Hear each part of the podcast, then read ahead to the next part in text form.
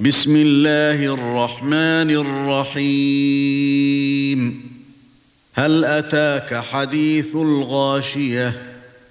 وجوه يومئذ خاشعة عاملة ناصبة تصلى نارا حامية تسقى من عين آنية.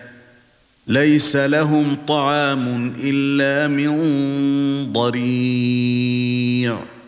لا يسمن ولا يغني من جوع.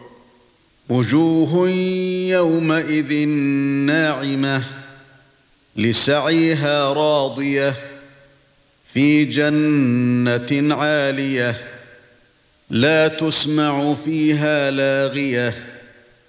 فيها عين جارية فيها سرر مرفوعة وأكواب موضوعة ونمارق مصفوفة وزرابي مبثوثة.